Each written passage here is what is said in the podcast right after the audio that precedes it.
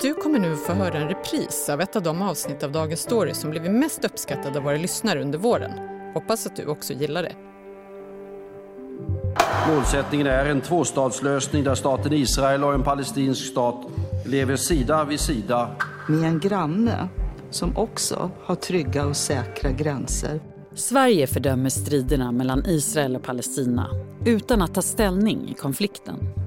Men så har det inte alltid varit. Israelerna begår massmord, de begår krigsbrott. Det som utmärker det israeliska samhället, vitaliteten, demokratin. På en kvart får du reda på vilken relation riksdagspartierna har till konflikten och varför ställningstagandet handlar lika mycket om inrikes positionering som utrikespolitik. Ingenting är normalt i den här konflikten. Det är fredag den 21 maj. Jag heter Annie Reuterskiöld. Här är dagens story från Svenska Dagbladet.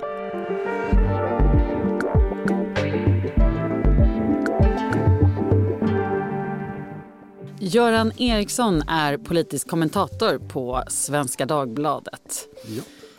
Göran, går det att säga att ju mer högerut i svensk politik man hamnar desto mer pro-israelisk är man och tvärtom pro-palestinsk ju längre vänsterut man kommer?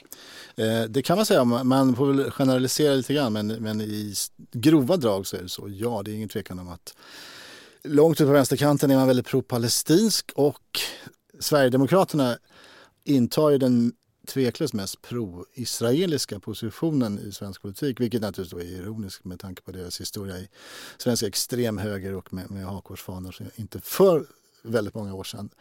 Men de, de är utan tvekan de som är mest pro-israeliska. Så att ja, det stämmer väl i stora drag. Vi ska gräva lite djupare i svensk eh, politiks eh, förhållningssätt kanske man kan säga till eh, konflikten mellan Palestina och Israel. Hur har Sveriges roll sett ut eh, historiskt? Sverige har ju vid flera tillfällen försökt spela alltså en medlande roll i den här konflikten. Eh, framförallt då svensk socialdemokrati.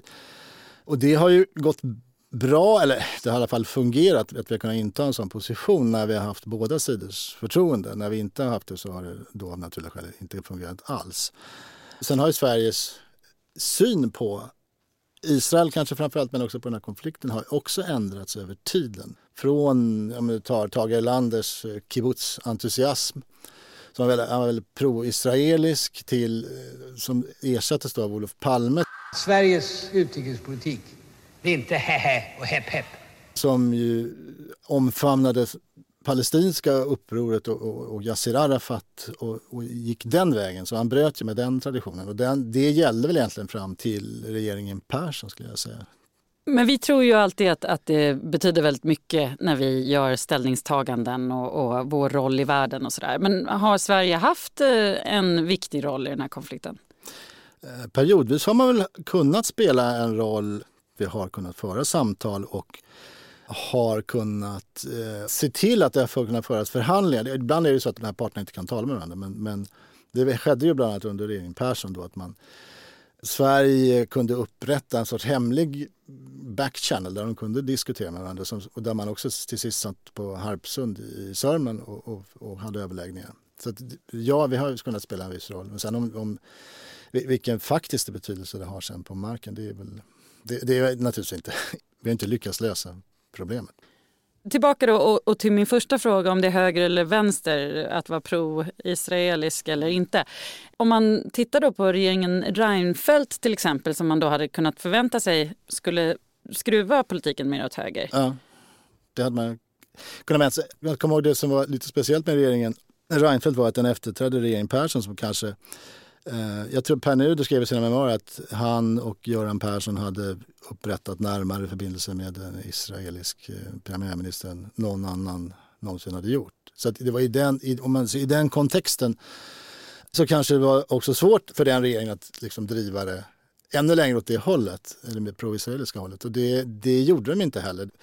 Och det skapade en del missnöje inom alliansen, inom mer, mer då Israelvänliga delarna av allianspartierna där man tyckte att Carl Bildt var, la sig alldeles för nära Palestina eller, och eh, försatte Sverige i konflikt med Israel i alldeles för hög grad.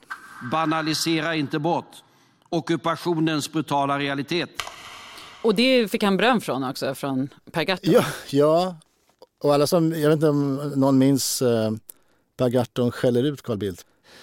Morgonen efter EU-omröstningen eh, 94 är det alltså. Håll truten Carl Bildt! Jag vet inte om du har hört den. Man glömmer inte om man har hört den. Håll truten på dig Carl Bildt. Nej, men- Det här är en seriös Ja, debatt. det är precis- Det ligger inte nära till hands för Per Gahrton att berömma Carl Bildt. Men, och per Gahrton är ju då stor Palestinavän och, men, men, och under den här perioden så, så uttryckte han flera gånger att han ty, tyckte att Bildt skötte det här på ett bra sätt. Så att det, var, det är inte bara så att säga den hårda pro-israeliska sidan som tyckte att Bildt misskötte sig. Men de andra tyckte att, att han gjorde det ganska bra. Så att någonting ligger väl i det. De, de låg väl liksom mer åt det palestinska hållet än vad man hade trott.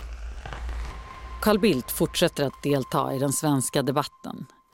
I veckan förutspådde den tidigare utrikesministern en snar vapenvila men sa också att det som denna gång utlöste attackerna polisoperationen i Al-Aqsa-moskén i Jerusalem var som att skicka in nazister i Vatikanen. nazist, nazist, nazister i Vatikanen eller något sånt där. Va? Ett kontroversiellt uttalande som har väckt kritik. Ren och skär antisemitism, sa Judiska centralrådets ordförande Aron Förständig i en kommentar till Expressen. Idag har vi inte goda relationer till Israel. Jag skulle säga att de försämrades redan under regeringen Reinfeldt när Carl Bildt var utrikesminister.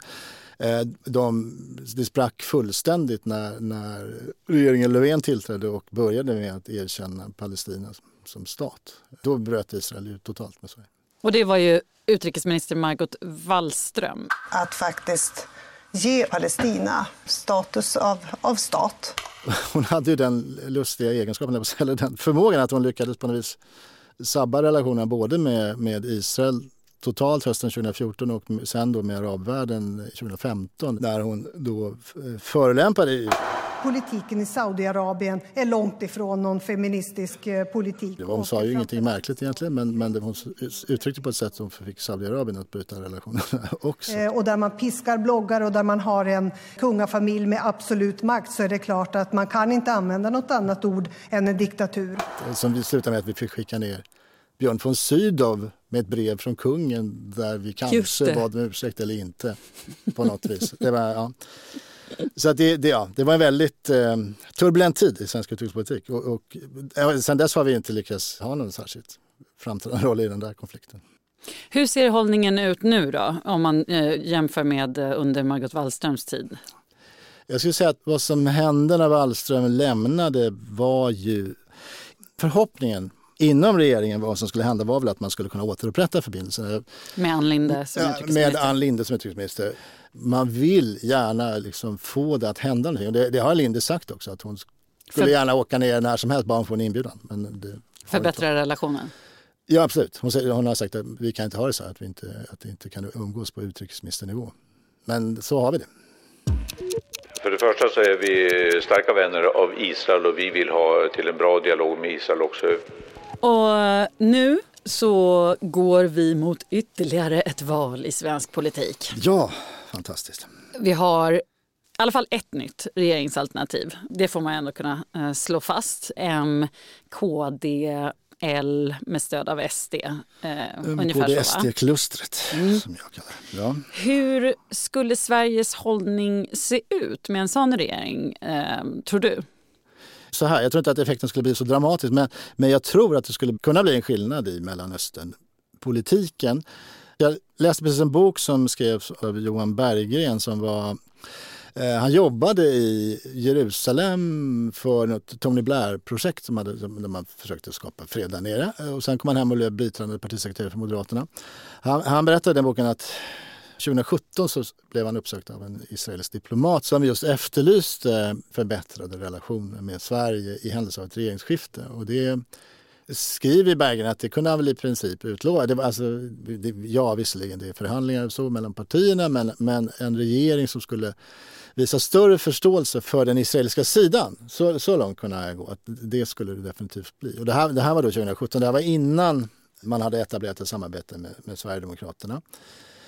Det som har hänt sen är ju att om man tittar på regeringsunderlaget, om man lägger in då Sverigedemokraterna i det underlaget så har, har ju tyngdpunkten åt det pro-israeliska hållet förstärks ganska radikalt. Sen är det väl en fråga om hur mycket inflytande Moderaterna kommer att ge SD i utrikespolitiken. Det är ju inte säkert att de gör det alls.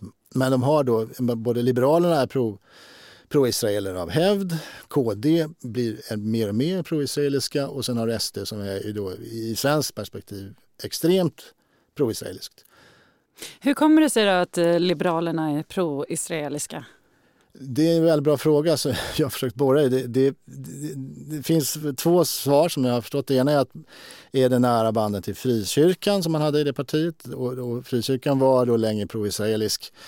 Egentligen fram till ockupationen av de palestinska områdena. Det var, då började allting svänga. Då, eller, en del av frikyrkan är fortfarande den mer högerinriktade. Och lite samma sak då med Kristdemokraterna, att det, det, det springer ur det här frikyrkliga? Säkert det springer frikyrkliga. Jag tror att pingstkyrkan alltid varit relativt pro-israelisk. och eh, sen har det väl också förstärkts skulle jag säga att när av det här som vi var inne på tidigare, det, det nyhögerdraget inom Kristdemokraterna som Ebba Busch står för. Att då, hon, det finns några bilder på henne där hon poserar med israeliska stridsvagnar. Tillsammans med Sara Skyttedal, ja. Tillsammans med Sara Skytte, det är den Skyttegrav. Dal, Dal, ja. Sara Skyttedal har, har ja. krävt igen på en massa pengar när de Just det, precis. Mm. Just det. Men jag tror att det, de har liksom dragits mer i den riktningen också. Och Sverigedemokraterna då? Björn Söder syns med pro-israeliska tröjor på bild. Ja, Israel since 1948. Det finns ju andra foton på Björn Söder. Han poserar med någon gammal SS-man, tror jag. Och sådär. Eh, så det är klart att... Eh, där, där, kommer det där igen, det är lite svårt att få ihop. Det är lite svårt att få ihop, det, det är det absolut. Men, men de, det är ju så, alltså de driver den linjen tydligt. SD vill, SD vill ju att vi, Sverige ska säga, ta tillbaka erkännandet av Palestina. Och vi ska flytta ambassaden till eh, Jerusalem. Med en sverigedemokratisk utrikespolitik kommer Israel, till skillnad från nu, ha en vän i Sverige och svensk utrikespolitik. Tack, fru talman. Moderaterna då? Bildts ande, svävar den fortfarande över Moderaterna? Eh, det är väl lite grann ett vakuum, ett tomrum i Moderaterna. Jag har lite svårt att se vart de kommer att ta vägen utrikespolitiskt. Alltså, det, det, var ju, det var också som någon sa när jag pratade med dem nu att det var ju bisarrt hur man då la ut hela utrikespolitiken på en person, vilket det verkligen blev. Bildt var ju liksom ett enmans-UD någonstans. Eh, och den linjen han drev var ganska frikopplad från Moderaterna. Eh, och riktigt vad man skulle ta vägen det är väl lite, det är lite svårt att säga faktiskt. Men jag, jag, misstänker att man väl skulle inta en sån här eh, statsmannamässig eh, mellanposition och inte driva någonting för hårt åt något håll. Men, men, men ändå ingå i det här klustret där... Ja, man ändå ingår i det här klustret och lite då som Johan Berggren skrev så skulle man säkert vara beredd att ändra tonfallet och eh, liksom visa en större förståelse för Israels situation.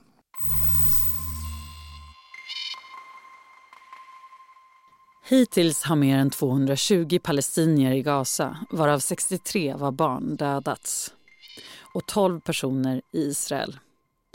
Raketbeskjutningen från och flygbombningen av Gaza har nu pågått i nästan två veckor. En egyptisk säkerhetskälla menar att parterna i princip redan är överens om ett eldupphör. Och en senior politisk företrädare för Hamas säger i libanesisk tv att han tror på ett eldupphör inom kort. Sveriges utrikesminister Ann Linde har senaste dagarna tryckt på EUs roll för att stödja en tvåstatslösning som utgår från internationell lag. Man ska också komma ihåg att det är inte så att det är en jätteskillnad i sak mellan vad, vad det borgerliga blocket och de andra tycker. Det, det, är inte så, så väldigt stor skillnad. Det handlar väldigt mycket om det uttrycker man någon sorts förståelse för Israel eller gör man det inte? Det är, det är där. Och, och hur mycket förståelse uttrycker man för, för palestinier? Det handlar liksom väldigt mycket fankultur. Liksom. Eller hur, hur, är vi på mm. den sidan eller på den sidan? Det, det, är inte så att man har väldigt olika syn på hur den här konflikten ska lösas. Liksom. Nej men precis, blir det någon skillnad i politiskt? Det låter ju mest som ett positionerande. Det är väldigt mycket positionerande. Och jag, men jag, jag tror, om det blir en skillnad så blir det dels i, i tonfallet, att man kommer uttrycka sig mer Israel, förstående för Israel och, och det kanske kan ändra relationen till Israel och det kan ha en viss betydelse för Sverige. Det som kan hända i sak skulle jag tro är förändringar i den svenska biståndspolitiken. Där, där finns en ganska samstämmig kritik från borgerligt håll om det svenska biståndet till palestinierna.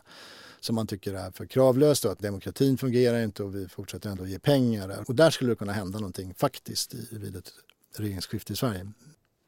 Spelar det egentligen någon roll vad Sverige tycker om Israel-Palestina-konflikten? Det kan spela en viss roll för Sverige eftersom vi då möjligen om vi kan återupprätta en relation till Israel så skulle vi möjligen kunna återigen spela någon sorts roll i den här konflikten. Om det sen spelar någon roll för den här konflikten, det är en annan fråga. Det handlar väl om det man kallar för inrikes och utrikespolitik.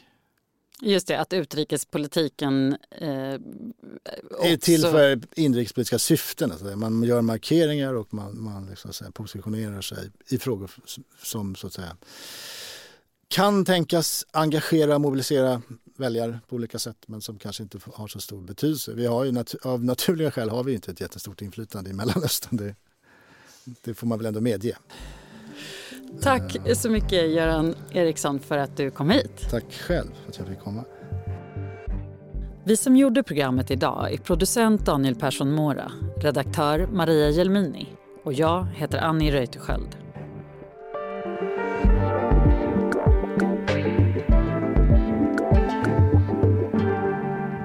Du har lyssnat på Dagens Story från Svenska Dagbladet. Ett ämne, 15 minuter varje vardag. Prenumerera för att inte missa något. Och sätt gärna betyg. Ljudklippen idag är hämtade från riksdagens webb-tv-arkiv, TV4, SVT och Sveriges Radio. Du har lyssnat på en repris av Dagens Story. Under juli publicerar vi lite färre avsnitt än vanligt. Men den 4 augusti är vi tillbaka som vanligt igen. 15 minuter varje vardag.